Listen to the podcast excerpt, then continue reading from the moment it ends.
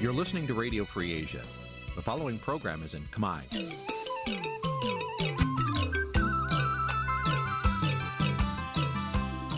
Nǐ ជាកម្មវិធីផ្សាយ Vuthu Azizi Serai នេះជាកម្មវិធីផ្សាយរបស់ Vuthu Azizi Serai ជាភាសាខ្មែរ Vuthu Azizi Serai សូមស្វាគមន៍លោកអ្នកនាងទាំងអស់ពីរដ្ឋធានី Washington នៃសហរដ្ឋអាមេរិក។ ចាប់ពីរដ្ឋធានី Washington នាងខ្ញុំម៉ៅសុធានីសូមជម្រាបសួរលោកអ្នកស្ដាប់ទាំងអស់ជាទីមេត្រី ចាយើងខ្ញុំសូមជូនការផ្សាយសម្រាប់ព្រឹកថ្ងៃប្រហ័ស9កើតខែមករាឆ្នាំថោះបញ្ញស័កពុទ្ធសករាជ2567ហើយដល់ត្រូវនៅថ្ងៃទី21ខែធ្នូគ្រិស្តសករាជ2023ជាដំបូងនេះសូមអញ្ជើញលោកអ្នកនាងកញ្ញាស្ដាប់ព័ត៌មានប្រចាំថ្ងៃដែលមានមេត្តាដូចតទៅ ជនរងគ្រោះជនជាតិថៃ9នាក់ដុតបន្ទប់គេងនៅអាគារកាស៊ីណូដើម្បីរត់គេចខ្លួន ពីការឃុំខ្លួនរបស់ក្រុមឆបោកអនឡាញមន្ត្រីសង្គមស៊ីវិលថាកំសោយការអនុវត្តច្បាប់និងអំពើពុករលួយជំរុញឲ្យការជួញដូរមនុស្សនិងឆបោកកើនឡើងសង្គមស៊ីវិលសោកស្ដាយដែលលោកហ៊ុនម៉ាណែត មិនបានស្នើឲ្យធនាគារដោះស្រាយបញ្ហាបំណុលពលរដ្ឋអ្នកខ្លំមើលនយោបាយចង់ឃើញមេដឹកនាំគណៈបកភ្លើងទៀននិងគណៈបកកម្លាំងជាតិមានភាពចាស់ទុំជាងនេះចារួមនឹងព័ត៌មាន សំខាន់សំខាន់មួយចំនួនទៀតជាបន្តទៅទៀតនេះនាងខ្ញុំម៉ៅសុធានីសូមជូនព័ត៌មានទាំងនោះពឺស្ដាចាលោកដានីជាទីមេត្រីជនជាតិថៃចំនួន9នាក់ បានដុតបន្ទប់គេងនៃកាស៊ីណូមួយកន្លែងក្នុងក្រុងប៉ោយប៉ែតខេត្តបន្ទាយមានជ័យដើម្បីគេចខ្លួនចេញពីមជ្ឈមណ្ឌលហៅទូរស័ព្ទដែលប្រព្រឹត្តអំពើឆបោកតាមអនឡាញមន្ត្រីសង្គមស៊ីវិលលើកឡើងថាអាញាធរកម្ពុជា គួរតែសហការជាមួយអាញាធរថៃដើម្បីស៊ើបអង្កេត និងជួយសង្គ្រោះជនរងគ្រោះផ្សេងទៀតជាពីរដ្ឋធានី Washington លោកមានរដ្ឋាភិការព័ត៌មាននេះជនជាតិថៃចំនួន9នាក់ ក្នុងនោះមានស្ត្រីម្នាក់កាលពីថ្ងៃទី18ខែធ្នូបានគេចខ្លួនចេញពីអគារកាស៊ីណូមួយឈ្មោះពូលីកាស៊ីណូស្ថិតនៅភូមិ2សង្កាត់អូជ្រៅក្រុងប៉ោយប៉ែតទៅឲ្យអាជ្ញាធរថៃនៅច្រកព្រំដែនបានខ្លងលើកស្រុកអរញ្ញប្រទេសខេត្តស្រះកែវជួយសង្គ្រោះពីអំពើឆបោកតាមអនឡាញ ជនរងគ្រោះដែលបានរត់គេចនោះលើកឡើងថាពួកគេមានគ្នា11នាក់បានដុតឲ្យឆេះបន្ទប់គេងដើម្បីរត់ឆោឡោចេញពីអគារកាស៊ីណូក៏ប៉ុន្តែពួកគេ2នាក់ផ្សេងទៀតត្រូវបានក្រុមជនល្មើសចាប់ខ្លួនត្រឡប់ទៅវិញនេះបើតាមការចុះផ្សាយរបស់សារព័ត៌មាន The Nation របស់ប្រទេសថៃប្រពន្ធដដែលឲ្យដឹងថាអាញាធរថៃបានស្នើដល់អាញាធរក្រុងប៉ោយប៉ែតដើម្បីចុះពិនិត្យទីតាំងអគារកាស៊ីណូនោះ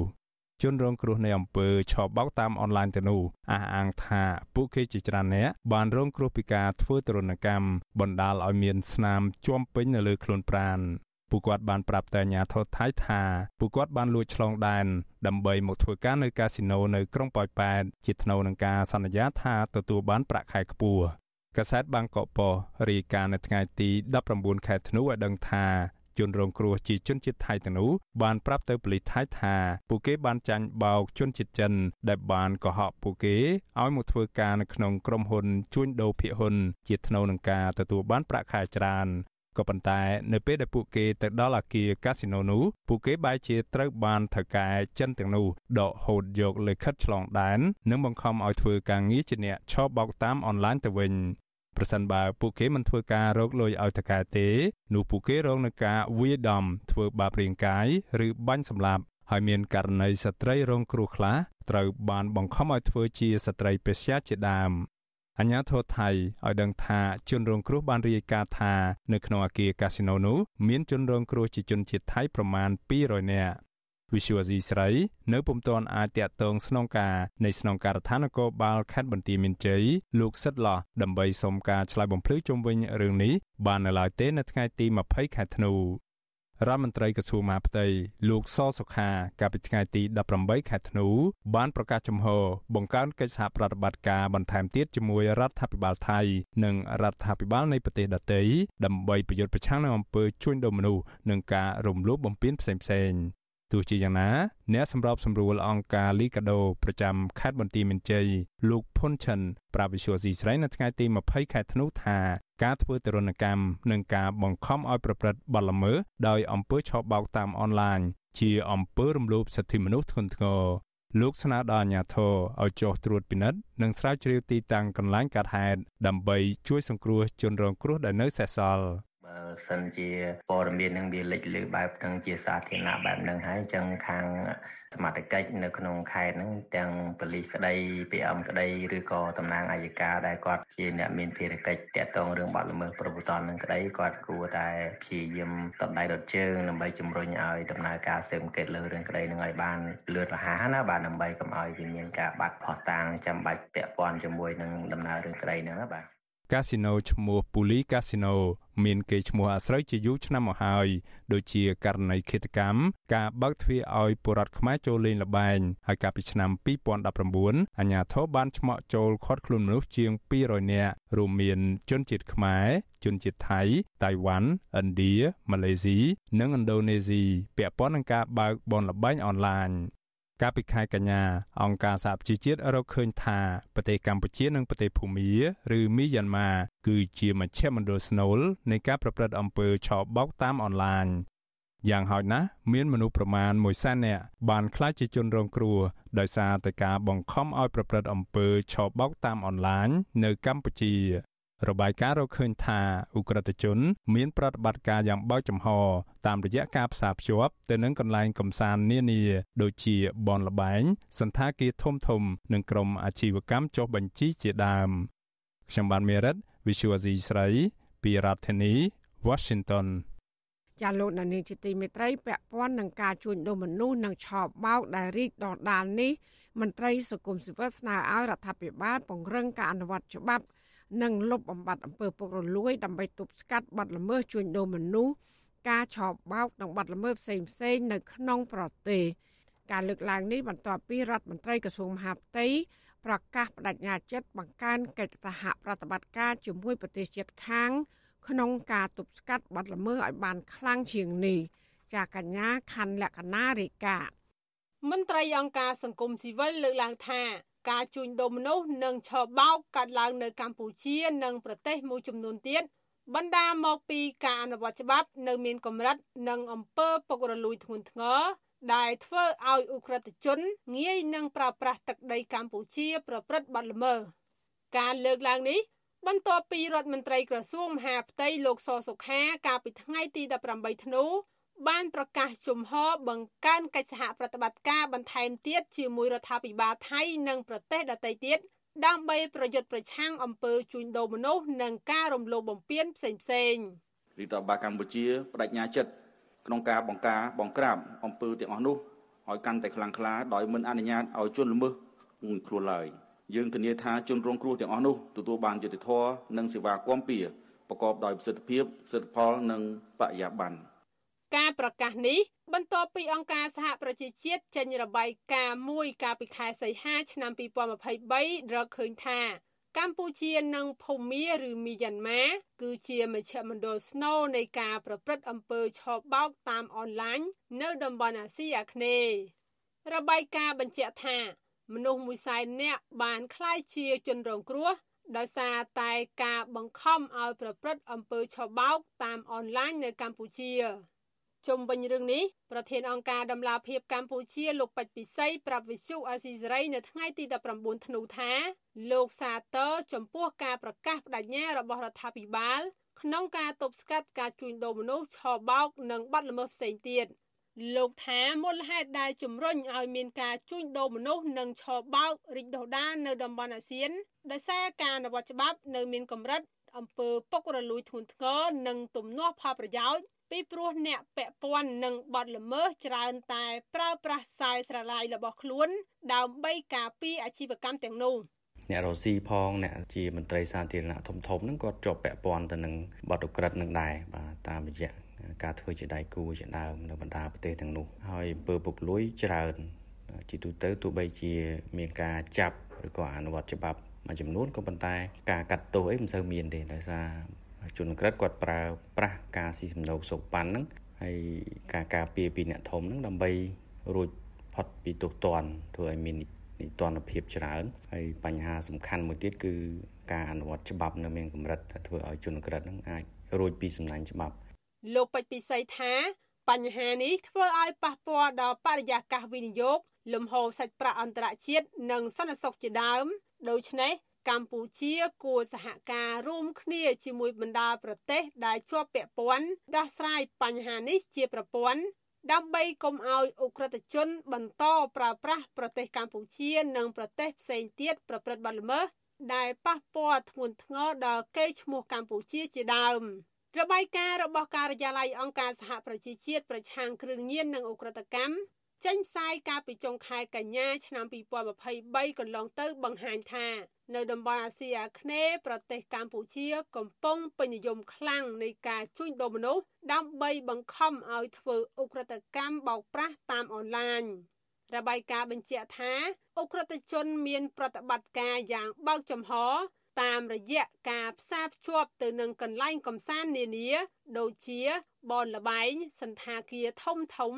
និងក្រុមហ៊ុនអាជីវកម្មចុះបញ្ជីជាដើមខ្ញុំខណ្ឌលក្ខណាវុទ្ធុអាស៊ីសេរីលោកអ្នកស្ដាប់ជាទីមេត្រីដែលឡាយពាក់ព័ន្ធនឹងការដឹកនាំរបស់លោកហ៊ុនម៉ាណែតវិញអ្នកនយោបាយដែលមាននិន្នាការផ្ទុយពីរដ្ឋាភិបាលនិងមន្ត្រីសង្គមស៊ីវិលសោកស្ដាយដែលលោកនាយករដ្ឋមន្ត្រីហ៊ុនម៉ាណែត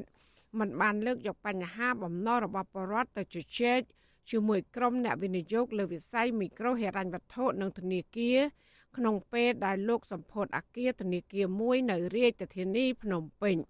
ពួកគេចាត់ទុកបញ្ហានេះថាជាការមិនបានយកចិត្តទុកដាក់ជួយដល់បរិវត្តដែលជំពាក់បំណុលធនាគារ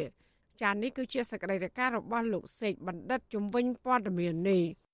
អ្នកនយោបាយបកប្រឆាំងនិងមន្ត្រីសង្គមស៊ីវិលនៅតែលើកឡើងថាស្ថានភាពសេដ្ឋកិច្ចនៅកម្ពុជាសពថ្ងៃនេះគឺប្រជាពលរដ្ឋគ្មានលទ្ធភាពរកប្រាក់សងបំណុលធនាគារបានឡើយ។ដូច្នេះរដ្ឋាភិបាលគួរតែប្រញាប់ដោះស្រាយបញ្ហានេះ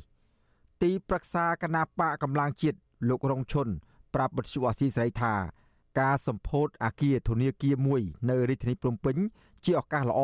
ដែលនាយករដ្ឋមន្ត្រីហ៊ុនម៉ាណែត គួរតែស្នើដល់ក្រមអ្នកវិនិយោគវិស័យហិរញ្ញវត្ថុនិងធនាគារដែលបានចូលរួមឲ្យពន្យាពេលពលរដ្ឋសងបំណុលត្រឡប់រយៈពេល2ឆ្នាំលោកបញ្ជាក់ថាសប្តាហ៍នេះប្រជាពលរដ្ឋកំពុងមានបញ្ហាបំណុលវ៉ាន់កហើយពួកគាត់គ្មានលទ្ធភាពរកប្រាក់សងត្រឡប់ទៅវិញនោះទេប្រជាពលរដ្ឋប្រមាណស្ទើរតែ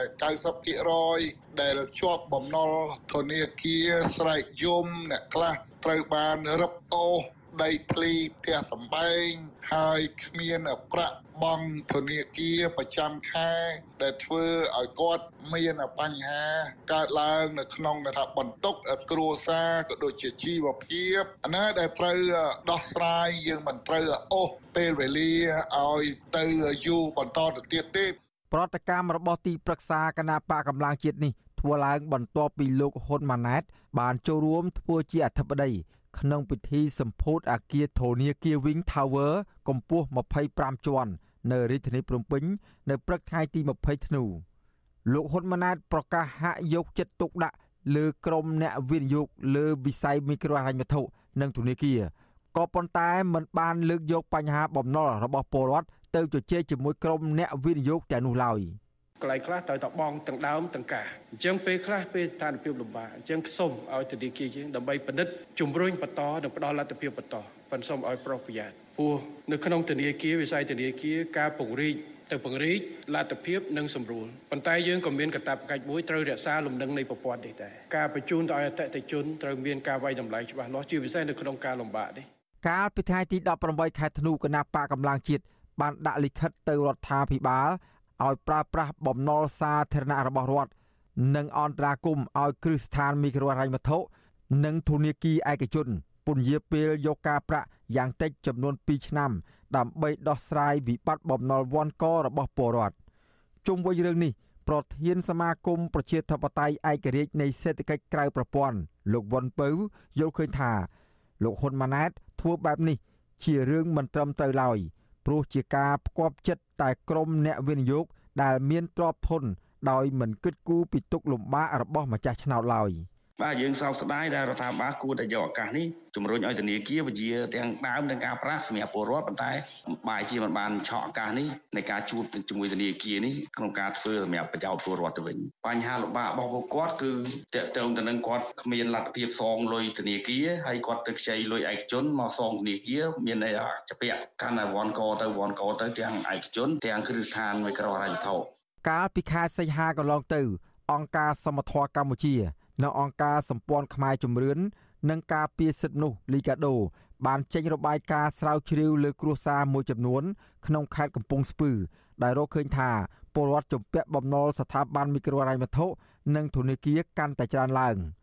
ប្រពន្ធដដាលឲ្យដឹងទៀតថាបញ្ហាទាំងនេះបណ្ដាលឲ្យមានការរំលោភសិទ្ធិមនុស្សធ្ងន់ធ្ងរជាច្រើនករណីរួមមានភាពអត់ឃ្លានពលកម្មកុមារនិងការលក់ដីដោយបង្ខំជាដើម។ អ្នកខ្ចីប្រាក់កំពុងធ្វើការលះបង់ដោយមិនសមស្របជាច្រើន ដើម្បីបង់សងកម្ចី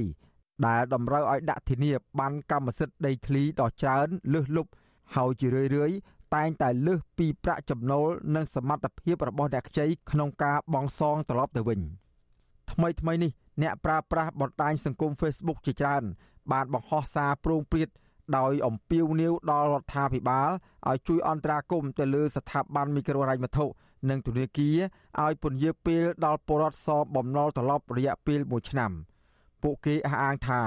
ការអំពាវនាវនេះដោយសារពួកគាត់គ្មានលទ្ធភាពរកប្រាក់សងបំណុលធនាគារនោះទេដោយសារតែអត់ការងារធ្វើ និងគ្មានការងារធ្វើទៀងទាត់ខ្ញុំបាទសេកបណ្ឌិតវិទ្យុអាស៊ីសេរីពីរដ្ឋធានីវ៉ាស៊ីនតោន លោកដានៀងកញ្ញាកំពុងស្ដាប់ការផ្សាយរបស់វិទ្យុអាស៊ីសេរីផ្សាយចេញពីរដ្ឋធានី Washington ក្រមយុវជននិងសហគមន៍ជនជាតិដើមភាគតិច សង្ឃឹមថារដ្ឋាភិបាលអាណត្តិថ្មីនឹងដោះស្រាយបញ្ហាកាន់កាប់ដីព្រៃអភិរក្សហើយនឹងព្រៃសាធារណៈរបស់រដ្ឋខុសច្បាប់ ដែលស្ថិតនៅក្នុងខេត្តមណ្ឌលគិរីនិងខេត្តផ្សេងផ្សេងទៀតពួកគេថារដ្ឋាភិបាលទៅលើកទឹកចិត្តឲ្យក្រមយុវជន និងប្រជាពលរដ្ឋចូលរួមផ្ដល់ព័ត៌មានពីបទល្មើសធនធានធម្មជាតិឲ្យបានទូលំទូលាយជាងនេះទៅការដោះស្រាយបញ្ហានេះមានប្រសិទ្ធភាពចាសសេចក្តីរាយការណ៍ពីស្ដាមពីរឿងនេះលោកដានៀងនឹងបានស្ដាប់នាពេលបន្តិចទៀតនេះចាលោកដានៀងកញ្ញាជាទីមេត្រីដំណើរគ្នានឹងស្ដាប់ការផ្សាយរបស់វិទ្យុអសីស្រីតាមបណ្ដាញសង្គម Facebook YouTube និង Telegram លោកតានាងក៏អាចស្ដាប់ការផ្សាយរបស់យើងតាមរយៈរលក ធាតុអាកាសខ្លីឬ short wave តាមកម្រិតនិងកម្ពស់ដូចតទៅ ចាប់ពីព្រឹកចាប់ពីម៉ោង5កន្លះដល់ម៉ោង6កន្លះតាមរយៈប៉ុស SW 93.90 MHz ស្មើនឹងកម្ពស់ 32m និងប៉ុស SW 11.85 MHz ស្មើនឹងកម្ពស់ 25m ចាសម្រាប់ពេលយប់វិញ គឺចាប់ពីម៉ោង7កន្លះដល់ម៉ោង8កន្លះគឺតាមរយៈប៉ុស SW 93.30 MHz ស្មើនឹងកម្ពស់ 32m ប៉ុស SW 11.88 MHz ស្មើនឹងកម្ពស់ 25m និងប៉ុស SW 15.15 MHz ស្មើនឹងកម្ពស់ 20m ចាសសូមអរគុណ ចាលោកនានីជាទីមេត្រីពាក់ព័ន្ធនឹងគណៈបញ្ញយោបាយប្រឆាំងវិញអ្នកខ្លំមើលស្ថានភាពនយោបាយចង់ឃើញមេដឹកនាំគណៈបកភ្លើងទៀននិងគណៈបកកម្លាំងជាតិដោះស្រាយភាពផ្ទុយគ្នាដើម្បីធ្វើជាគំរូដល់អ្នកប្រជាធិបតេយ្យមេដឹកនាំគណៈបកទាំងពីរអះអាង ថាពួកគេរក្សាភាពអត់ធ្មត់គ្រប់បែបយ៉ាង គឺដើម្បីកុំឲ្យមានការបែកបាក់ក្រុមអ្នកប្រជាធិបតេយ្យ ចាសសូមស្ដាប់សេចក្តីរាយការណ៍របស់អ្នកស្រីសុជីវីជំវិញព័ត៌មាននេះអ្នកខ្លំមើលនយោបាយកត់សម្គាល់ឃើញថា សារនយោបាយនិងសកម្មភាពនយោបាយរបស់មេដឹកនាំគណៈបកភ្លើងទៀន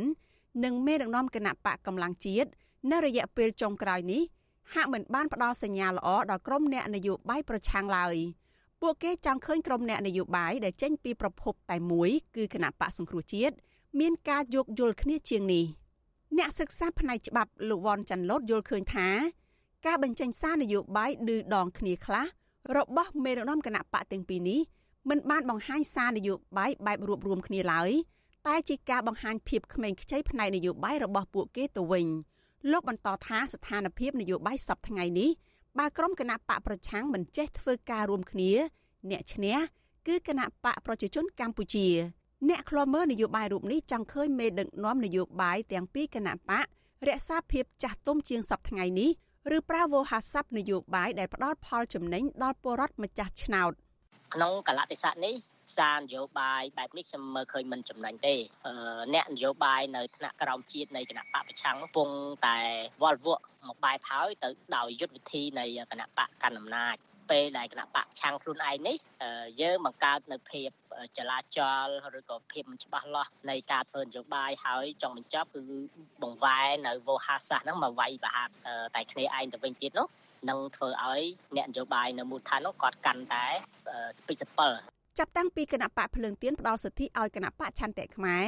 ចូលរួមប្រកួតប្រជែងការបោះឆ្នោតព្រឹទ្ធសភាជំនួសខ្លួន ហើយគណៈបកកម្លាំងជាតិក៏ចូលរួមការបោះឆ្នោតដែរនោះមក មេដឹកនាំគណៈបកទាំងពីរនេះបានបង្ហាញសារនយោបាយមួយចំនួនតាក់ទងនឹងការដណ្ដើមអង្គបោះឆ្នោត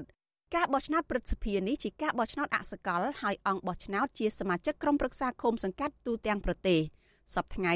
គណៈបកនយោបាយដែលមានអង្គបោះឆ្នោតនេះគឺគណៈបកប្រជាជនកម្ពុជា និងគណៈបកភ្លើងទៀន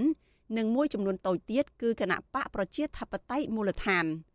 គណៈបកភ្លើងទៀនតែងតែចេញសារនយោបាយរបស់ខ្លួនជាបន្តបន្ទាប់ស្នើទៅអង្គបោះឆ្នោតរបស់ខ្លួនឲ្យស្មោះត្រង់ជាមួយគណៈបកនេះនឹងត្រូវបោះឆ្នោតជូនគណៈបកឆន្ទៈខ្មែរដែលជាគណៈបកសម្ព័ន្ធមិត្តរបស់គណៈបកភ្លើងទៀនតកតនៅរឿងនេះគណៈបកកម្លាំងជាតិកាលពីថ្ងៃទី12ខែធ្នូបានបញ្ជាក់ថាក្រុមមេដឹកនាំបកភ្លើងទៀនដែលបានផ្ដាច់ខ្លួនទៅឈរឈ្មោះ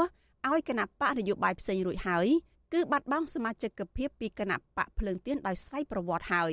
និងស្នើឲ្យគណៈបកភ្លើងទៀនបញ្ឈប់ការគម្រាមកំហែងលើអតីតសមាជិកបកទីប្រឹក្សាគណៈបកកម្លាំងជាតិលោករងឈុនប្រាប់ថាសារនេះគ្រាន់តែជាការជម្រាបទៅថ្នាក់ដឹកនាំគណៈបកភ្លើងទៀនឲ្យបញ្ឈប់ការគម្រាមកំហែងលើសមាជិករបស់គណៈបកនេះនៅពេលសាច់ញាតិរបស់គណៈបកនេះទៅចូលរួមជាមួយនឹងគណៈបកកម្លាំងជាតិលោករងជុនរំពឹងថាមេដឹកនាំគណៈបកទាំងពីរអាចនឹងមានឱកាសជួបជជែកគ្នា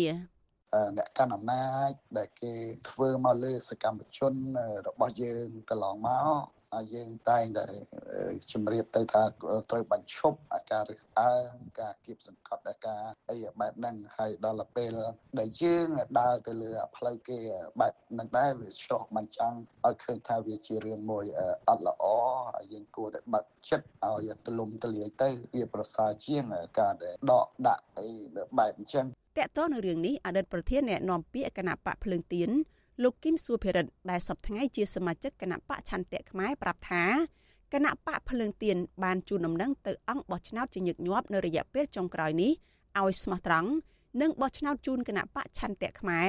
ក្នុងការបោះឆ្នោតព្រឹទ្ធសភាខាងមុខព្រោះខ្លាចអង្គបោះឆ្នោតស្ដាប់តាមការញុះញង់របស់គណៈបកខ្លះ។ អ្វីដែលចេញសារអីតាមបាយបហាយហ្នឹងច្រើនតែនៅតាមទៀតទេប៉ុន្តែយ៉ាងណាក៏ដោយក៏យើងនៅតែឈរលើស្មារតីពង្រួមពង្រួមគ្នាហើយតែអនាគតទៀតបើមានការខ្វែងគំនិតគ្នាអីតិចតួចតែក៏ត្រូវតែគិតអំពីការប្រកួតប្រជែងមួយដ៏ស្មោះត្រង់ភាពស្មោះត្រង់គឺសំខាន់ណាស់តម្លៃរបស់មនុស្សសំខាន់បំផុតខ្ញុំក៏ផ្ដាំថាគឺចិត្តស្មោះត្រង់ដែលជាតម្លៃមិនអាចកាត់ថ្លៃបានចំណែកអ្នកអត្ថាធិប្បាយនយោបាយលោកកឹមសុខ ចង់ឃើញក្រុមអ្នកនយោបាយបកប្រឆាំងគួរយោគយល់គ្នាសម្របសម្រួលគ្នាឯងលោកបន្តថាគណៈបកភ្លើងទៀននិងគណៈបកកម្លាំងជាតិជាគណៈបកពីរក្តី តែគណៈបកនេះមានគោលដៅនិងឆន្ទៈដូចគ្នាទេ គំនិតល្អ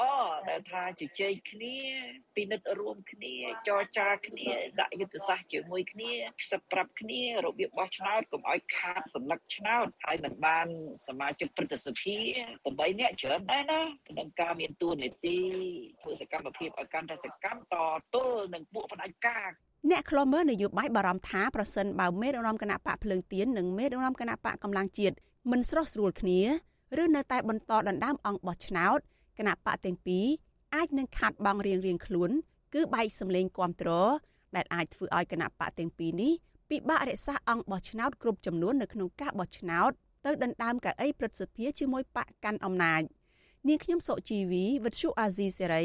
ពីរដ្ឋធានី Washington ចាលោកនានីជាទីមេត្រីក្រុមគូសាររបស់សកម្មជននយោបាយនិងសកម្មជនសហជីព ដែលកំពុងជាប់ឃុំសង្ឃឹមថាតឡាការនឹងដោះលែងអ្នកទោសនយោបាយឲ្យមានត្រីភាពនិងជួបជុំក្រុមគូសាឡើងវិញនៅឆ្នាំ2024ខាងមុខពីព្រោះថាពួកគេមិនបានប្រព្រឹត្តខុសដោយជាការចោទប្រកាន់របស់តឡាការនោះឡើយតើមន្ត្រីរដ្ឋាភិបាលយល់ឃើញដូចម្ដេចចំពោះការស្នើសុំឲ្យដោះលែងអ្នកទោសនយោបាយទាំងនោះចាសសេចក្តីរាយការណ៍ពីស្ដាមពីរឿងនេះលោកអ្នកនាងក៏នឹងបានស្ដាប់នាពេលបន្តិចទៀតនេះ ចាលោកអ្នកនាងជាទីមេត្រីដែលឡែកតាក់ទងនឹងរឿងបឹងតមោកវិញប្រជាពលរដ្ឋរស់នៅបឹងតមោកអះអាងថាអាញាធរខណ្ឌព្រែកភ្នៅ បានប្រាហង្សាមកលើពួកគាត់ដែលហ៊ានចេញមុខតវ៉ាមិនអោយអាញាធររុះរើតូបលក់អីវ៉ាន់មន្ត្រីសង្គមស៊ីវិលថាសកម្មភាពរបស់អាញាធរនេះគឺជាការរំលោភសិទ្ធិមនុស្សជាមូលដ្ឋាន ចានលោកទីនសាក្រយារិកាព័ត៌មាននេះ ប្រជាពលរដ្ឋរស់នៅជាប់បឹងតមោកស្ថិតនៅក្នុងសង្កាត់សំរោងត្បូងខណ្ឌព្រែកភ្នៅរាជធានីភ្នំពេញកាលពីថ្ងៃទី19ធ្នូបានប៉ះទង្គិចជាមួយអាជ្ញាធរខណ្ឌព្រែកភ្នៅដោយហិង្សាបណ្ដាលឲ្យប្រពន្ធមួយចំនួនរងរបួសស្រាលក្នុងពេលក្រុមអាជ្ញាធរជិត20នាក់បានចុះទៅរុះរើផ្ទះនិងតូបមួយកន្លែងដែលលក់ដូររបស់របរតិចតួចតាមចិញ្ចើមថ្នល់ដើម្បីបានប្រាក់ចិញ្ចឹមជីវិតក្រោយពីក្រុមអាជ្ញាធរបានប្រើអំពើហិង្សាលើបរិវត្តនោះ អាជ្ញាធរខណ្ឌព្រែកភ្នៅបានចេញលិខិតជាថ្មីឲ្យម្ចាស់តូបរុះរើដោយទុករយៈពេល3ថ្ងៃមុនពេលដែលអាជ្ញាធរចុះរុះរើជាថ្មីម្ដងទៀតទោះជាយ៉ាងណាប្រជាពលរដ្ឋអះអាងថាពួកគាត់នឹងរួមគ្នាការពារទោះបីជាពួកគាត់អាចប្រឈមនឹងការចាប់ខ្លួននិងរងអំពើហិង្សាពីអាជ្ញាធរក៏ដោយបរិរងគ្រោះនៅបឹងតមោកលោកស្រីគង់ទឿលើកឡើងថាអាញាធរបានបំផ្លាញតូបរបស់លោកស្រីដែលទៅតែនឹងសាងសង់ សម្រាប់លក់ផ្កាឈូកខ្ចងខ្ចៅដើម្បីចិញ្ចឹមគ្រួសារដែលមានជនពិការ និងចាស់ជរានៅក្នុងបន្ទុកលោកស្រីចាត់ទុកសកម្មភាពរបស់អាញាធរគឺជាអំពើអមនុស្សធម៌និងប្រើវិធីសាស្ត្រគ្រប់បែបយ៉ាងដេញប្រជាពលរដ្ឋចេញដើម្បីកាត់ដីឲ្យអ្នកមានលុយមានអំណាច មើលនេះដៃខ្ញុំលោកអស់គ្នាបាទជង្គង់អូខ្ញុំណោខ្ញុំយល់ឃើញថាអាញាតោខំបែបផ្លូវលំលើកសិតខខំជាទីបំផុតគ្មានចិត្តបេះដូងខ្មែរសុទ្ធមិនមែនជាងខ្មែរកូនចង់លើអបទៀតខ្ញុំយល់បើគាត់មិនបានអីគាត់យល់ឃើញចឹងគាត់មិនមកទៅបោកជាបរតទេឃើញខ្វាន់ឃើញខ្វងឲ្យទាំងអស់បររំគ្រោះនៅបឹងតមោកម្នាក់ទៀតលោកស្រីវ៉ាន់ផាលើកឡើងថាអញ្ញាធិខណ្ឌប្រែកភ្នៅបានប្រាហិង្សាលើពួកគាត់ដែលជាស្ត្រីចេញមុខតវ៉ាការពារតូប ដែលជាមុខរបរចិញ្ចឹមជីវិតរបស់ពួកគាត់ប្រចាំថ្ងៃលោកស្រីវ៉ាន់ផាបន្តថារដ្ឋាភិបាលតែងតែលំអៀងទៅកាន់អ្នកមានលុយមានអំណាចដែលអាចទទួលបានដីរាប់សិបហិកតាប៉ុន្តែរដ្ឋាភិបាលបែរជាមកបណ្ដេញប្រជាពលរដ្ឋក្រីក្រចេញពីលំនៅឋានទៅវិញ។ អ្វីក៏ប្រជាពលរដ្ឋខ្មែរធ្វើលើទឹកដីខ្មែរអាចបានហេតុអីក៏ខាងអាជ្ញាធរខណ្ឌនេះមកបដិញពួកខ្ញុំមិនអោយពួកខ្ញុំធ្វើទៅតោភ្លុកដោគាត់នឹងចាំជីវិតនេះភ្លុកដោតាមដងផ្លូវតាមតោបន្តិចតូចនេះហេតុអីក៏គាត់មិនអោយធ្វើបោបាក់លុប3000ហត្តាជាងលុបអស់ហើយវិទ្យុអសិរ័យមិនអាចតតងអភិបាលរាជធានីភ្នំពេញលោកខួងស្រេងនិងអភិបាលខណ្ឌប្រែកភ្នៅ លោកធឹមសំអានដើម្បីសំសួរអំពីបញ្ហានេះបានទេនៅថ្ងៃទី20ធ្នូ តកតៅនៅរឿងនេះអ្នកសម្រាប់សម្រួលគម្រោងធុរកិច្ចនិងសិទ្ធិមនុស្សរបស់មជ្ឈមណ្ឌលសិទ្ធិមនុស្សកម្ពុជា CCHR លោកវ៉ាន់សុផាតថ្លែងថាសកម្មភាពរបស់អាជ្ញាធរនេះគឺរំលោភសិទ្ធិលំនៅឋាន និងសិទ្ធិជាមូលដ្ឋានរបស់ពលរដ្ឋដែលរស់នៅលើដីជាយូរមកហើយមុនពេលក្រុមហ៊ុនទទួលបានដីនៅបឹងតមោកទៅទៀតអញ្ចឹងមកឥឡូវចោតប្រកាន់ថាពួកគាត់រស់នៅដោយលើដីសាធារណៈរបស់រដ្ឋ ជាបដីសាធារណៈរបស់រដ្ឋបាទអាចធ្វើអនុប្រយោគទៅជាដីឯកជនហើយឲ្យទៅក្រុមហ៊ុនឯកជនឲ្យទៅអ្នកមានអំណាចឲ្យទៅអដេញខ្សែស្រឡាយបពពួកអ្នកមានអំណាចបាន តែប្រជាពលរដ្ឋបែរជាឲ្យមិនបានសួរថាហ្នឹងវាមកពីហេតុអីក្នុងពេលអាជ្ញាធររកវិធីគ្រប់បែបយ៉ាងដើម្បីបណ្ដេញបរដ្ឋចេញពីតំបន់បឹងតមោកនោះអតីតនាយករដ្ឋមន្ត្រីលហ៊ុនសែនបានចេញអនុក្រឹត្យកាត់ផ្ទៃដីបឹងតមោកដែលមានទំហំជាង2400ហិកតា នៃទំហំផ្ទៃដីបឹងតមោកសរុបជាង3000ហិកតាលោកហ៊ុនសែនបានកាត់ឲ្យទៅខ្សែស្រឡាយរបស់លោកនិងមន្ត្រីជាន់ខ្ពស់នៅក្នុងគណៈបកប្រជាជនកម្ពុជាព្រមទាំងមន្ត្រីជាន់ខ្ពស់នៃកងរាជអាវុធហត្ថនិងអ្នកជំនួញជាដើមខ្ញុំបាទទីនសាការីយ៉ាអស៊ីសេរីប្រធានាធិបតី Washington លោកដានៀងជាទីមេត្រីយើងបានទទួលសំណូមពរពីអ្នកស្ដាប់និងអ្នកទស្សនារបស់យើងច្រើនណាស់ថាកុំឲ្យដាក់ចំណងជើងផ្ទុយពីខ្លឹមសារនៃព័ត៌មានឧទាហរណ៍ដូចជាដាក់ចំណងជើងថា Vivo ហើយលោកហ៊ុនសែនត្រូវតឡាការប្រំពន្ធអន្តរជាតិ ICC យកទៅកាត់ទោសជាដើមក៏ប៉ុន្តែនៅពេលដែលចុចស្ដាប់ទៅ គឺមិនលឺនិយាយអំពីរឿងនេះសោះចាយើងខ្ញុំសូមជម្រាបថាការដាក់ចំណងជើង ដែលខុសពីខ្លឹមសារទាំងនេះគឺជាការបោកប្រាស់របស់ក្រុមរកស៊ីតាម YouTube ដើម្បីរកលុយតែប៉ុណ្ណោះពួកគេបានលួចយកខ្លឹមសារនៃការផ្សាយរបស់វិទ្យុអសីស្រី ទៅកាត់តរួចបដូរចំណងជើង តាមរបៀបប្លែកប្លែកហួហេតុដែលខុសពីការពិតក្នុងគោលបំណងតាក់ទាញចិត្តលោកនាងឲ្យចុចស្ដាប់ឬទស្សនាដើម្បីបាន view ឬក៏បានអ្នកចូលទស្សនាច្រើន មានអ្នកចុចស្ដាប់កាន់តែច្រើនពួកគេក៏កាន់តែរកប្រាក់បានច្រើននោះដែរចាទីស្រីមិនដែលដាក់ចំណងជើងខុសពីខ្លឹមសារនោះទេ លោកអ្នកនាងកញ្ញាអាចចូលរួមទប់ស្កាត់ការបោកប្រាស់ទាំងនេះបានដោយឈប់ចុចស្ដាប់ឬក៏ទស្សនាការចុះផ្សាយណាមួយដែលដាក់ចំណងជើងខុសប្លែកគួរសង្ស័យទាំងនេះចាជាពិសេសទៅទៀតគឺដើម្បីស្ដាប់ឬក៏ទស្សនាការផ្សាយពិតរបស់អាស៊ីសេរី សូមលោកអ្នកនាងកញ្ញាចូលទៅក្នុង Channel របស់អាស៊ីសេរីតែម្ដង ដែលមានអាសយដ្ឋាន www.youtube.com/rfa ខ្មែរចាសសូមអរគុណចាលោកដានីជាទីមេត្រីពាក់ព័ន្ធនឹងបញ្ហាបរិស្ថានវិញជនជាតិដើមភាគតិចចំនួន17អំបូរមកពីខេត្តចំនួន12បានចេញសេចក្តីថ្លែងការណ៍រួមព្រួយបារម្ភ អំពីក្រមបរិស្ថាននិងធនធានធម្មជាតិដែលរដ្ឋាភិបាលទើបតែអនុម័តថានឹងប៉ះពាល់ដល់សិទ្ធិជនជាតិដើមភាគតិច និងដំណើរការចុះបញ្ជីដីសមូហភាពពួកគាត់ក៏បានទទូចរដ្ឋាភិបាលនិងស្ថាប័នពាក់ព័ន្ធដាក់បញ្ចូលពាក្យជនជាតិដើមភាគតិច នៅក្នុងក្រមបរិស្ថាននិងធនធានធម្មជាតិជំនួសឲ្យពាក្យសហគមន៍មូលដ្ឋាន ចាលោកយ៉ងច័ន្ទរារាយការណ៍ព័ត៌មាននេះដូចតទៅ តំណាងសហគមន៍ជនជាដើមភាគតិចជិត200នាក់មកពីខេត្តចំនួន12រួមមានខេត្តរតនគិរី ស្ទឹងត្រែង ក្រចេះនិងបន្ទាយមានជ័យព្រមទាំងខេត្តកោះកុងជាដើមបានពិគ្រោះយោបល់គ្នានៅក្នុងគោលបំណងប្រមូលធាតុចូលពាក់ព័ន្ធទៅនឹងក្តីកង្វល់រួមដែលប៉ះពាល់ទៅដល់សិទ្ធិសង្គមវប្បធម៌និងសេដ្ឋកិច្ចរបស់ពួកគាត់នៅគ្រាដែលក្រមបរិស្ថាននិងធនធានធម្មជាតិបានចូលជាធរមានកាលពីខែកក្កដាឆ្នាំ2023 កិច្ចពិភាក្សានេះធ្វើឡើងនៅក្នុងសន្តាគារអង្គរ Century Resort នៅក្នុងក្រុងសៀមរាបកាលពីថ្ងៃទី19ខែធ្នូដោយមានការចូលរួមពីតំណាងក្រសួងមហាផ្ទៃសមាជិករដ្ឋសភាព្រឹទ្ធសភា និងក្រសួងពាក់ព័ន្ធរបស់រដ្ឋាភិបាលតំណាងសហគមន៍ជនជាដើមភាគតិចចារាយមកពីខេត្តរតនគិរី លោកស្រីរ៉ូម៉ាសារ៉ុនបានថ្លែងនៅក្នុងពិធីនោះថាការមិនប្រើពាក្យជនជាដើមភាគតិចនៅក្នុងក្រមបរិស្ថាននិងធម្មជាតិនោះគឺជាការលុបបំបាត់ឈ្មោះជនជាដើម ឲ្យលោកឡំជាមួយនឹងសហគមន៍ទូទៅលោកស្រីបារម្ភថាជនជាដើមភាគតិចនឹងទទួលរងភាពអយុត្តិធម៌ជាប្រវត្តិសាស្ត្របណ្ដាលមកពីការបង្កើតច្បាប់នេះដោយអាចប្រឈមទៅនឹងការដកហូតសិទ្ធិដីធ្លីធនធានធម្មជាតិតំបន់ប្រពៃណីវប្បធម៌ជំនឿសាសនានិងព្រៃឈើរបស់ពួកគាត់។ ជនជាតិដើមភាគតិចយើងខ្ញុំសូមជំទាស់លើការបញ្ញត្តិអំពីពាក្យសហគមន៍មូលដ្ឋាននេះតែតែចូលក្នុងក្រមបរិស្ថាននិងធនធានធម្មជាតិឡើយសហគមន៍មូលដ្ឋាននេះពុំអាចជំនួសពាក្យសហគមន៍ជនជាតិដើមភាគតិចបានឡើយដោយហេតុបារម្ភខ្លាំងថាជនជាតិដើមភាគតិចមានដើមកំណើតជាតិពិន្ទុសង្គមវប្បធម៌ប្រពៃណីឆ្លើយតបរឿងនេះតំណាងរាជមណ្ឌលខេត្តសៀមរាបមកពីគណៈបកប្រជាជនកម្ពុជា លោកប៊ុនថារិតបានថ្លែងក្នុងពិធីនោះថា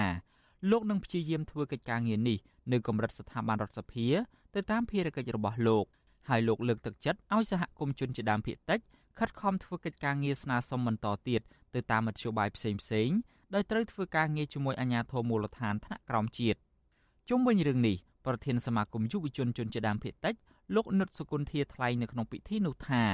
កិច្ចប្រជុំពិគ្រោះយោបល់នេះ គឺនៅក្នុងគោលបំណងចង់កែប្រែច្បាប់ដែលពាក់ព័ន្ធនឹងជនជាដើមភាគតិចដើម្បីបញ្ជាផលប៉ះពាល់ជាអវិជ្ជមានណាមួយមកលើសហគមន៍ជនជាដើមភាគតិចលោកជំរុញឲ្យរដ្ឋសភានិងរដ្ឋាភិបាលត្រូវលើកកម្ពស់ការអភិរក្សនិងអភិវឌ្ឍជនជាដើមភាគតិចប្រកបដោយប្រសិទ្ធភាពនិងនិរន្តរភាព។ សហគមន៍ដែលចូលរួមនៅក្នុងនឹងមានចំនួន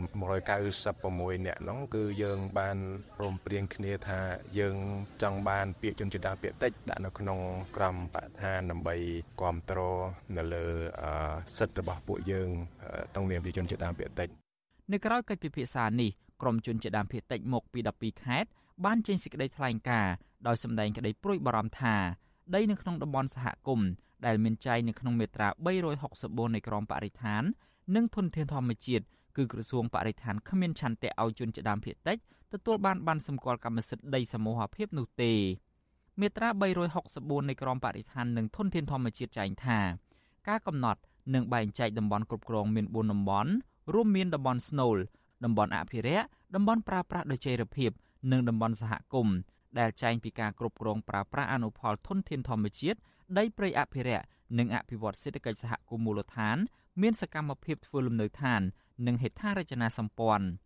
រាជការផ្ដល់បានកម្មសិទ្ធិនិងអនុញ្ញាតឲ្យប្រើប្រាស់ដីធ្លីនៅតំបន់នោះត្រូវមានការឯកភាពពីក្រសួងបរិស្ថានប្រការនេះធ្វើឲ្យសហគមន៍ជនជាដើមភាគតិចបារម្ភថាពួកគាត់អាចប្រឈមទៅនឹងការបាត់បង់ទីតាំងតំបន់ប្រវត្តិសាស្ត្រនិងធនធានធម្មជាតិដោយសារតែក្រុមហ៊ុនឈូសឆាយប៉ះពាល់ដល់សេដ្ឋកិច្ចសហគមន៍និងកន្លែងប្រតិបត្តិជំនឿ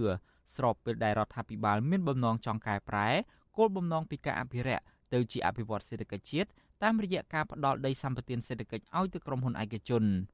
សេចក្តីថ្លែងការណ៍ដដែលបន្ថែមថាសហគមន៍ជនជាដើមភាគតិចស្នើឲ្យដាក់បញ្ចូលគោលការណ៍ជូនដំណឹងពីគ្រោះយោបល់ឲ្យបានពេញលេញនិងព្រមព្រៀងជាមុនពីសហគមន៍ជនជាដើមភាគតិចនៅគ្រប់ដំណើរការបង្កើតក្រមបរិស្ថាននិងធនធានធម្មជាតិលើសពីនេះទៅទៀតរដ្ឋាភិបាលត្រូវដោះស្រាយបញ្ហាជាប់គាំង តាក់ទងទៅនឹងការចុះបញ្ជីដីសហគមន៍ជនជាដើមភាគតិចនិងការចុះបញ្ជីបេតិកភណ្ឌវប្បធម៌របស់សហគមន៍ជនជាដើមស្របទៅតាមការចងអល់បង្ហាញលើស្ថានភាពជាក់ស្ដែងខ្ញុំយ៉ងច័ន្ទដារាវិទ្យុអាស៊ីសេរី Washington លោកដាក់ស្ដាប់ជាទីមេត្រីពាក់ព័ន្ធនឹងសុខភាពរបស់កុមារដែលប្រើទៅដល់កូន Nutrilite វិញអាណាព្យាបាលកុមាររងគ្រោះជាង20គ្រួសារក៏បានស្នើឲ្យតុលាការកំពូលកាត់ក្តីផ្ដល់ភាពយុត្តិធម៌ឲ្យពួកគាត់ នៅក្នុងសំណុំរឿងក្រុមហ៊ុនម្សៅទឹកដោះគោ Nutrilett ដែលបានធ្វើឲ្យកូនកូនពួកគាត់ធ្លាក់ខ្លួនឈឺក្រោយពីបានប្រើប្រាស់ផលិតផលនេះដែលគ្មានគុណភាពមន្ត្រីសង្គមស៊ីវិលជំរុញឲ្យតុលាការពន្យាការកាត់ក្តីក្នុងសំណុំរឿងនេះដើម្បីផ្ដល់ភាពយុត្តិធម៌និងឲ្យក្រុមហ៊ុន ផ្ដល់សំណងប៉ះពើដល់ក្រុមគ្រួសារកុមាររងគ្រោះចាលោកថាថៃរិកាព័ត៌មាននេះ អាណាព្យាបាលកុមាររងគ្រោះដោយសារម្សៅទឹកដោះគោរបស់ក្រុមហ៊ុន Nutrilett ដែលបណ្ដាលឲ្យមានជំងឺកាលពី3ឆ្នាំមុនរំពឹងថាតុលាការកំពូលនឹងបញ្ចប់សំណុំរឿងមួយនេះដោយរក្សាការសម្រេចរបស់សាលាដំបងដើម្បីផ្ដល់ភាពយុត្តិធម៌ឲ្យកូនកូនរបស់ពួកគាត់ម្ដាយក្មេងរងគ្រោះគឺលោកស្រីជូនផល្លាប្រាប់វិទ្យុអាស៊ីសេរីនៅថ្ងៃទី20ខែធ្នូថា លោកស្រីរំពឹងថាការប្រកាសសាលដីការបស់តុលាការកំពូលនៅថ្ងៃទី21ធ្នូនឹងកាត់ក្តីឲ្យពួកគាត់ឈ្នះលើសំណុំរឿងប្តឹងផ្តល់ជាមួយក្រុមហ៊ុនម្សៅទឹកដោះគោ Nutrilett ដោយបញ្ចូលសាលក្រមរបស់សាលាដំបងរាជធានីភ្នំពេញចូលជាស្ថាពរលោកស្រីស្នើឲ្យតុលាការកំពូល បញ្ចប់រឿងក្តីមួយនេះត្រឹមថ្ងៃប្រកាសសាលដីកាដោយលោកស្រីថាការអូសបន្លាយសំណុំរឿងដល់ទៅ3ឆ្នាំវាយូរពេកហើយ សម្រាប់ក្មេងរងគ្រោះនិងក្រុមគ្រួសារដែលធ្លាក់ខ្លួនឈឺធ្ងន់ខាតបង់ប្រាក់កាសនិងពេលវេលាដោយសារភាពគ្មានទំនួលខុសត្រូវរបស់ក្រុមហ៊ុនមួយនេះណាសូមឲ្យពួកគាត់នឹងជួយដោះស្រាយឲ្យរកភាពយុត្តិធម៌ឲ្យក្មេងៗរងគ្រោះទាំង21គ្រួសារហ្នឹងបងសូមឲ្យកាត់ឆាប់ចប់ព្រោះវា3ឆ្នាំហើយបងរឿងក្តីមួយដល់3 4ឆ្នាំដូចយូរពេក ប៉ះទង្គិចខ្លាំងហ្មងព្រោះទៅដល់គោហ្នឹងដូចយើងអត់ដឹងដូចប្រជ្រត់ណាំគោលកូនអញ្ចឹងបើយើងមើលអត់តាន់មានអត់ទៅហើយកូនចៅក្រមជំនុំជម្រះនៃតុលាការកំពូលក្រុងប្រកាសសាលដីកាលើសំណុំរឿងក្រុមហ៊ុនម្សៅទឹកដោះគោ Nutrilett នៅថ្ងៃទី21ខែធ្នូបន្ទាប់ពីខកខានកាលពីថ្ងៃទី13ខែធ្នូដោយសារមេធាវីតំណាងឲ្យក្រុមហ៊ុននេះបានស្នើសុំតុលាការទម្លាក់បទចោទលើកូនក្តីរបស់ខ្លួន ដោយលើកហេតុផលថាផលិតផលរបស់ក្រុមហ៊ុនគឺមានការទទួលស្គាល់ពីក្រសួងសុខាភិបាលនិងចេញវិញ្ញាបនបត្របញ្ជាក់អំពីគុណភាព និងអនុញ្ញាតឲ្យក្រុមហ៊ុនចែកចាយ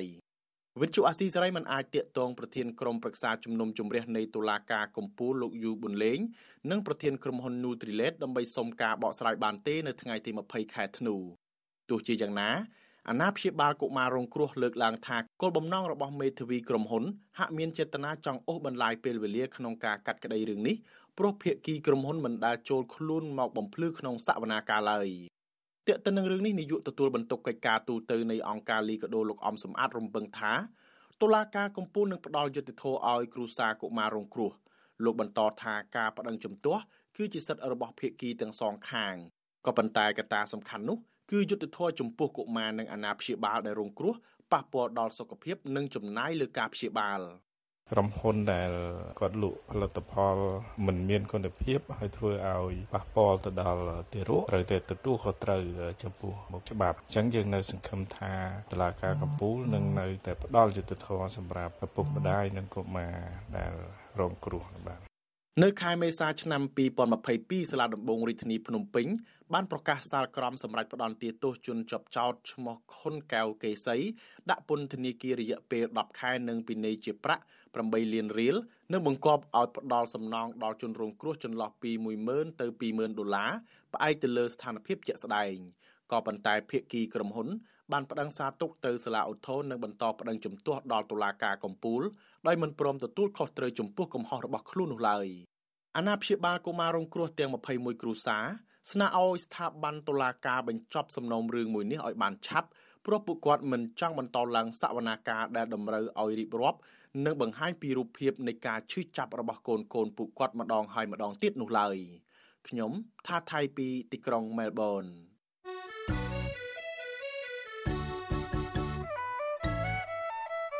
ចាលោកនានីជាទីមេត្រីកម្មវិធី podcast កម្ពុជាសប្តាហ៍នេះរបស់វិទ្យុអសីស្រីចេញផ្សាយនៅរៀងរាល់ព្រឹកថ្ងៃសៅរ៍នៃសប្តាហ៍នីមួយៗម៉ោងនៅប្រទេសកម្ពុជា ចាសសូមប្រិយមិត្តស្វែងរកនិងស្ដាប់ podcast របស់យើងនៅលើកម្មវិធី podcast របស់ Apple, Google និង Spotify ដោយគ្រាន់តែសរសេរពាក្យថាកម្ពុជាសប្តាហ៍នេះឬ Cambodia This Week នៅក្នុងប្រអប់ស្វែងរក តែយើងក៏នឹងចាប់ផ្សាយ podcast នេះឡើងវិញនៅក្នុងការផ្សាយផ្ទាល់របស់យើងតាមបណ្ដាញសង្គម Facebook YouTube និង Telegram នៅរៀងរាល់យប់ថ្ងៃច័ន្ទចាសសូមអរគុណចាលោកនានីជាទីមេត្រីក្រមយុវជន និងសហគមន៍ជនជាដើមភាគតិច សង្ឃឹមថារដ្ឋាភិបាលអាណត្តិថ្មីនឹងដោះស្រាយបញ្ហាកាន់កាប់ដីព្រៃអភិរក្សនិងព្រៃសាធារណៈរបស់រដ្ឋខុសច្បាប់ ដែលស្ថិតក្នុងខេត្តមណ្ឌលគិរីនិងខេត្តផ្សេងផ្សេងទៀតពួកគេថារដ្ឋាភិបាលត្រូវលើកទឹកចិត្តឲ្យក្រមយុវជននិងបរដ្ឋចូលរួមផ្ដល់ព័ត៌មានពីបទល្មើសធនធានធម្មជាតិឲ្យបានទូលំទូលាយទៅការដោះស្រាយបញ្ហាទាំងនោះមានប្រសិទ្ធភាពជាពីរដ្ឋធានី Washington លោកសេកបណ្ឌិតរាយការណ៍លំអិតជំវិញបញ្ហានេះដូចតទៅ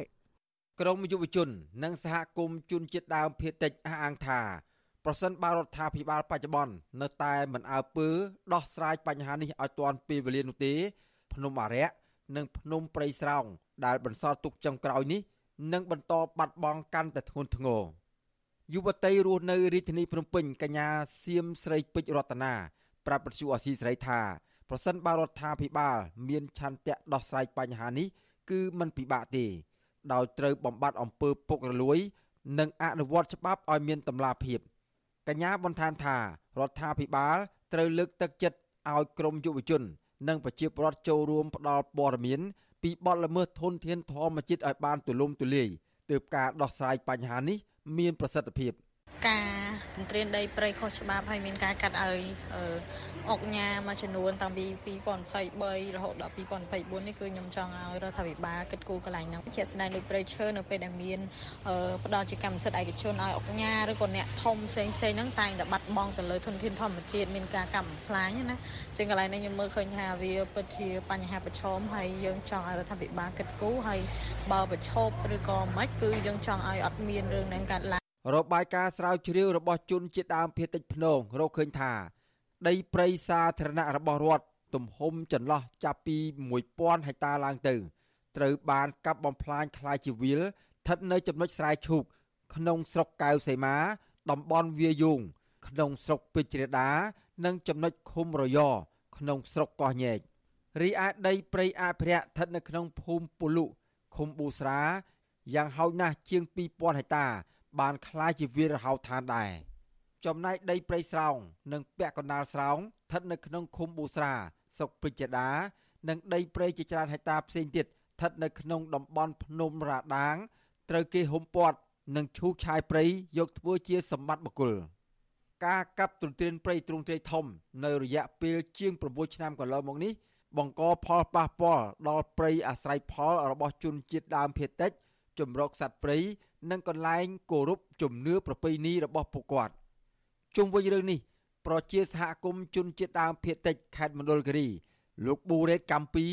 សង្កេតឃើញថា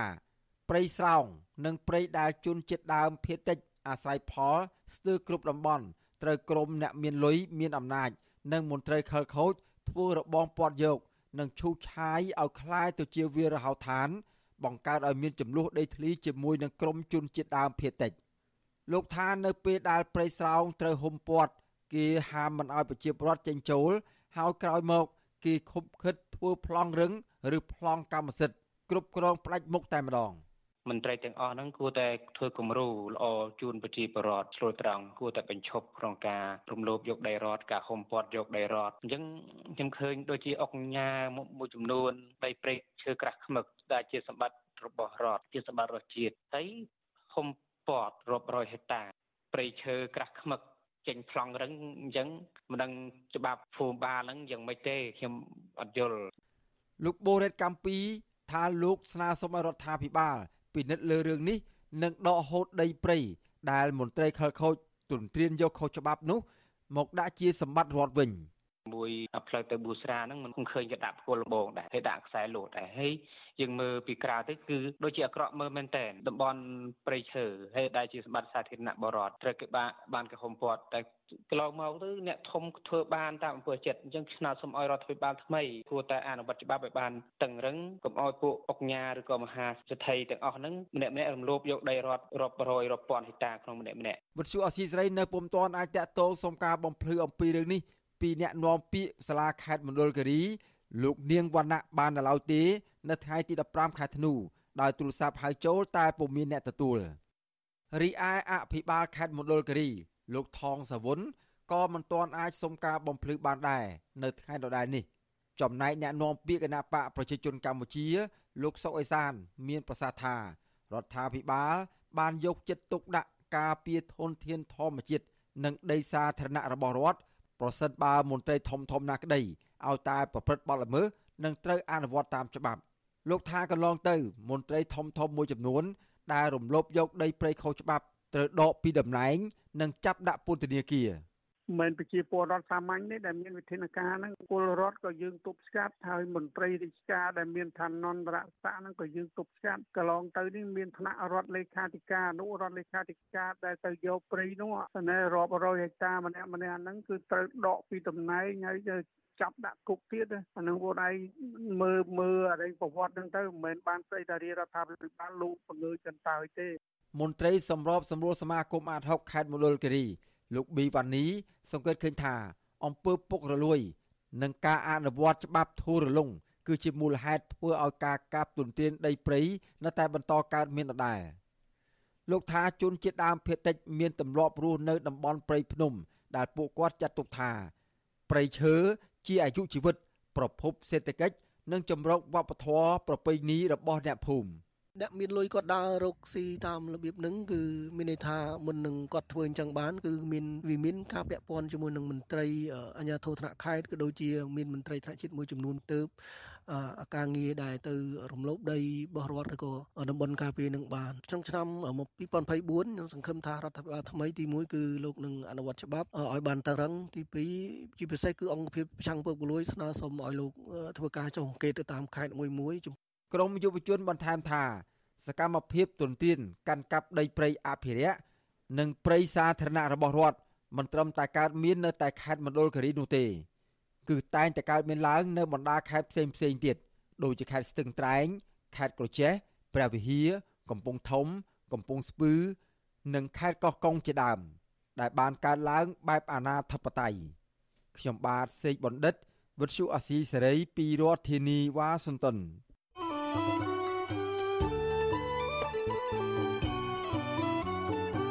លោកដានៀងជាទីមេត្រីក្នុងឱកាសនេះដែរនាងខ្ញុំសូមថ្លែងអំណរគុណ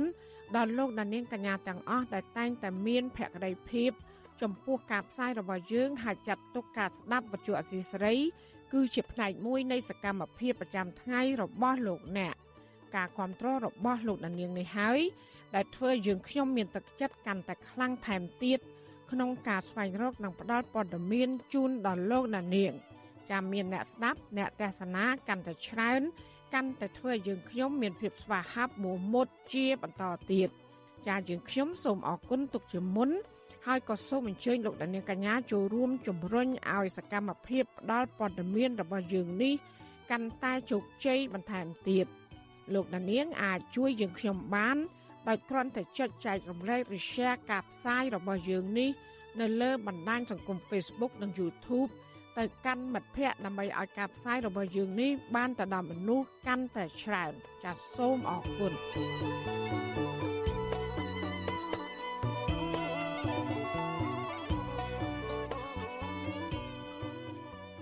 ចាលោកអ្នកស្ដាប់ទទីមេត្រីក្រុមគ្រួសាររបស់សកម្មជននយោបាយនិងសកម្មជនសហជីព ដែលកំពុងជាប់ឃុំសង្ឃឹមថាតឡាការនឹងដោះលែងអ្នកទោសនយោបាយឲ្យមានត្រីភាពនិងជួបជុំក្រុមគូសាឡើងវិញនៅឆ្នាំ2024ខាងមុខពីព្រោះពួកគាត់មិនបានប្រព្រឹត្តខុសដោយជាការចោទប្រកាន់របស់តុលាការនោះឡើយក៏ប៉ុន្តែមន្ត្រីរដ្ឋាភិបាលថាគ្មានការលើកលែងទោសដល់អ្នកជាប់ឃុំទាំងអស់នោះទេប៉ះសិនបើពួកគាត់មិនព្រមទទួលស្គាល់កំហុស ចានេះគឺជាសកម្មភាពពុស្ដាមួយទៀតរបស់អ្នកស្រីសុជីវីជំវិញព័ត៌មាននេះក្រុមគ្រួសារសកម្មជននយោបាយនិងសកម្មជនសហជីពស្នើឲ្យតុលាការដោះលែងក្រុមគ្រួសារពួកគាត់ឲ្យមានសេរីភាពដោយឥតលក្ខខណ្ឌដើម្បីអាចជួបជុំក្រុមគ្រួសារនិងអាចព្យាបាលជំងឺទាន់ពេលវេលាប្រពន្ធមន្ត្រីបាក់ភ្លើងទៀនប្រចាំនៅខេត្តកំពង់ចាមលោកតូចថងគឺលោកស្រីហាញ់សវណ្ណាប្រាប់វិទ្យុអាស៊ីសេរីនៅថ្ងៃទី19ខែធ្នូថា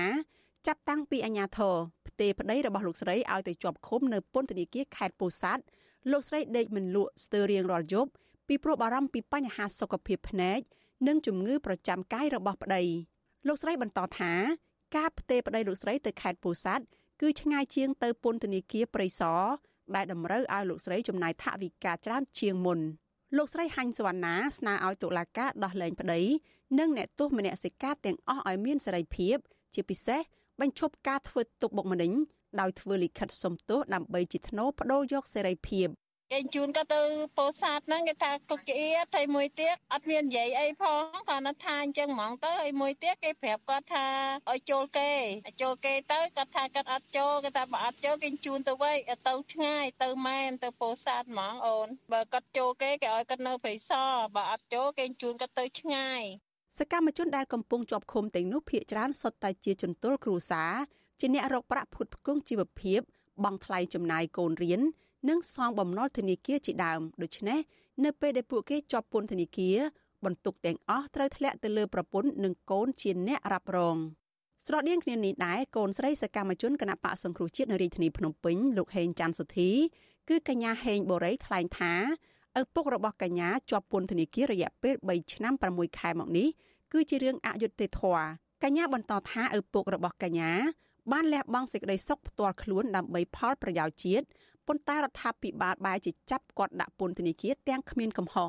កញ្ញាហេងបូរីកោតសរសើរឪពុករបស់ខ្លួនដែលសុកចិត្តជាប់គុកច្រវាក់មិនសុំទោសបដូរយកសិទ្ធិសេរីភាព។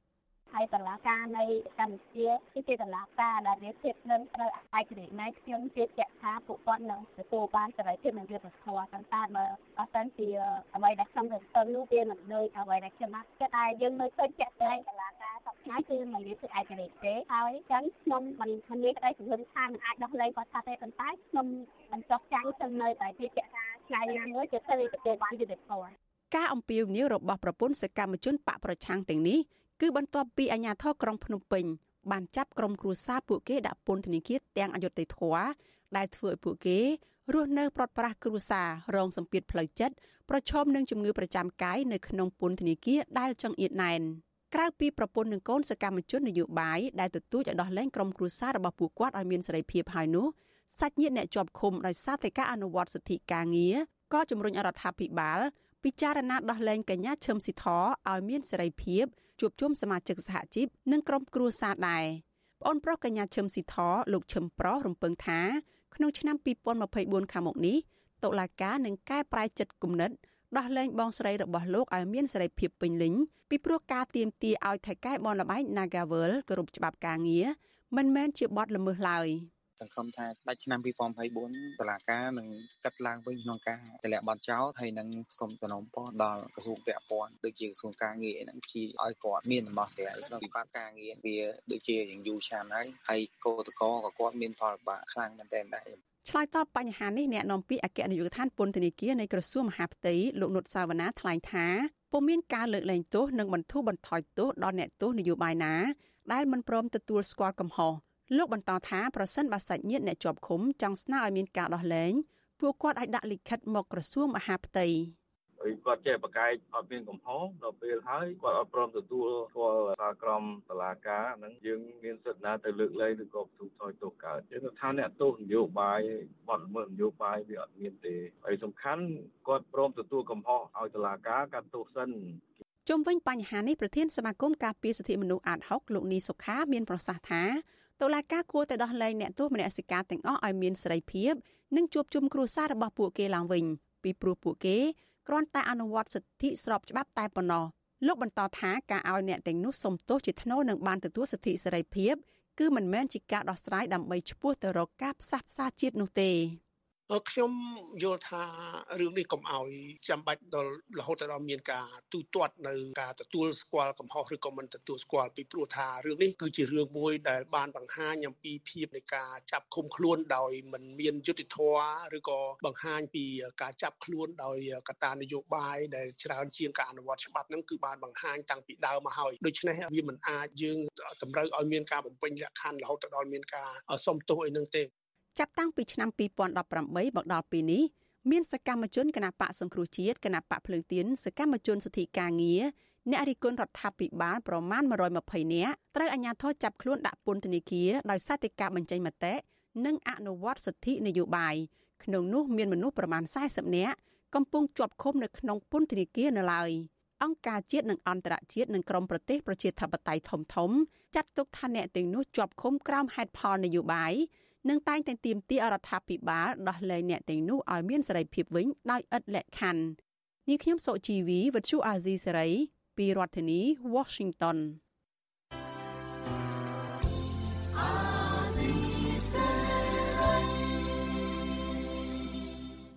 ចាលោកនាងកញ្ញាអ្នកស្ដាប់ជាទីមេត្រីការផ្សាយរយៈពេល1ម៉ោងរបស់វិទ្យុអាស៊ីសេរីជាភាសាខ្មែរនៅពេលនេះចាប់តែប៉ុណ្ណេះ ចាយើងខ្ញុំទាំងអស់គ្នាសូមជូនពរលោកនាង និងក្រុមគ្រួសារទាំងអស់សូមជួបប្រកបតែនឹងសេចក្តីសុខសេចក្តីចម្រើន ជានិរន្តរ៍ចានាងខ្ញុំម៉ៃសុធានីព្រមទាំងក្រុមការងារទាំងអស់របស់អសីស្រីសូមអរគុណនិងសូមជម្រាបលា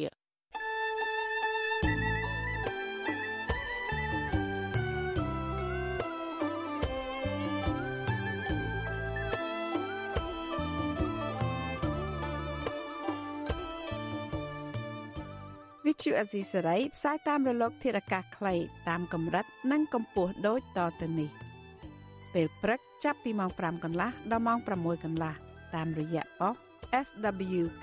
93.90 MHz ស្មើនឹងកម្ពស់ 32m និងប៉ុស SW 11.85 MHz ស្មើនឹងកម្ពស់ 25m ពេលយប់ចាប់ពីម៉ោង7កន្លះដល់ម៉ោង8កន្លះតាមរយៈប៉ុស SW 93.30 MHz ស្មើនឹងកម្ពស់ 32m ប៉ុស SW 11.88 MHz ស្មើនឹងកម្ពស់ 25m និងប៉ុស SW 15.15 MHz ស្មើនឹងកម្ពស់ 20m លោកអ្នកនាងក៏អាចស្ដាប់និងទស្សនាការផ្សាយផ្ទាល់នៅលើគេហទំព័រ Visual Asia សេរីតាមរយៈអាសយដ្ឋាន rfa.org/ ខ្មែរក្រៅពីនេះលោកអ្នកនាងក៏អាចអាននិងទស្សនាព័ត៌មាន Visual Asia សេរីលើទូរស័ព្ទដៃរបស់លោកអ្នកនាងផ្ទាល់ សូមអញ្ជើញលោកអ្នកនាងដំឡើងកម្មវិធី Visual Asia សេរីនៅលើទូរស័ព្ទដៃរបស់លោកអ្នកនាងឬស្វែងរក Visual Asia សេរីនៅលើ YouTube ឬ Facebook ដោយស្វែងរកពាក្យថា Visual Asia សេរីឬ RFA ខ្មែរសូមលោកអ្នកនាងចុច like follow និងចុច subscribe ដើម្បីទទួលបានព័ត៌មានថ្មីៗតាមហេតុការណ៍និងទស្សនាវីដេអូផ្សេងៗទៀតបានគ្រប់ពេលវេលា យើងខ្ញុំសូមជូនពរដល់លោកអ្នកនាងព្រមទាំងក្រុមគ្រួសារទាំងអស់ឲ្យជួបប្រកបតែនឹងសេចក្តីសុខសេចក្តីចម្រើនរុងរឿងកុំបីឃ្លៀងឃ្លាតឡើយ។